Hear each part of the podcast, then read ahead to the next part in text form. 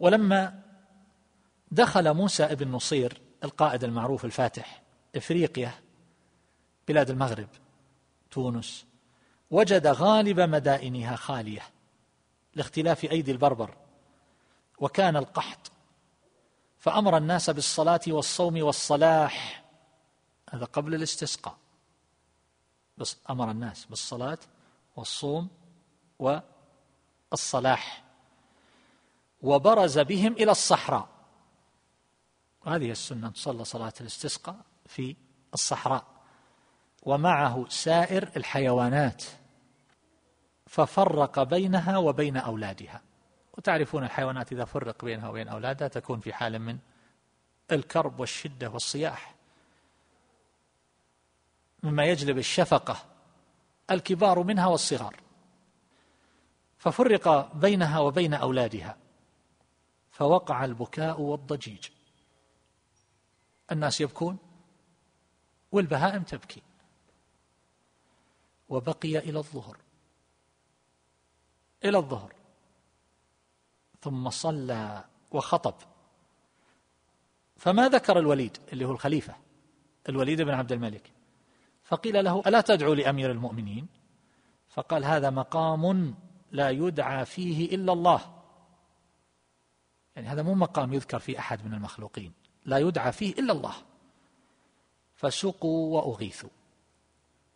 وانظروا هذه الحال وهذه الضراعة إلى الظهر. وإن الواحد منا لربما يستحي اليوم وهو يصلي صلاة الاستسقاء يستحي من الله. الدعاء لحظات لحظات قليلة دقائق دقيقتين أو ثلاث أو أربع. بينما الأصل أن يطيل الضراعة وأن يظهر الضراعة وأن يأمر الناس بالتوبة والاستغفار واللجوء إلى الله والصدقة وما إلى ذلك وأن ينيبوا وأن يخضعوا وأن يذلوا. ثم يبدأ يدعو دعاء طويلا حتى ينزل المطر. وحدثني أحد العلماء كان حاضرا في استسقاء للشيخ محمد بن إبراهيم سماحة المفتي الأسبق قبل الشيخ بن باز. شيخ الشيخ بن باز رحمه الله تعرفونه. شيخ محمد بن إبراهيم يقول فجلس يدعو رفع يديه ويدعو حتى أطال ومل بعض الحاضرين لكنه ما وضع يديه إلا والمطر ينزل مطر ينزل فهكذا ينبغي أن يكون دعاء الاستسقاء. ليست لحظات ثم بعد ذلك يبدأ الناس يقومون وما أدري ليش يقومون ما يجلسون في أماكنهم يرفعون يديهم ويدعون يقومون يحاكي بعضهم بعضا بهذا الفعل. ولا أعرف له أصلا إلا أن النبي صلى الله عليه وسلم قام لأنه الخطيب قام يدعو لكن هؤلاء مو بخطباء هؤلاء جماعة حاضرين فيدعو بهم دعاء طويلا يفترض. فيقومون ويبدأ كل واحد يرفع يديه دقيقتين ثلاث تحلة القسم ثم ينصرفون. فهذا الاستسقاء يستحي الواحد منه ولكن الله أرحم بعباده وألطف. الله أرحم بنا وأعظم وأجل فنحسن الظن به تبارك وتعالى مع تقصيرنا. وقد رأيت هذا بنفسي صليت مرة في مكان مع أناس صلى بنا من صلى بالاستسقاء وكنت أقول في نفسي حالنا لا لا تسعف معاصينا وذنوبنا وتقصيرنا وهذه الخطبة وهذه الصلاة الصلاة وهذا الدعاء القصير جدا.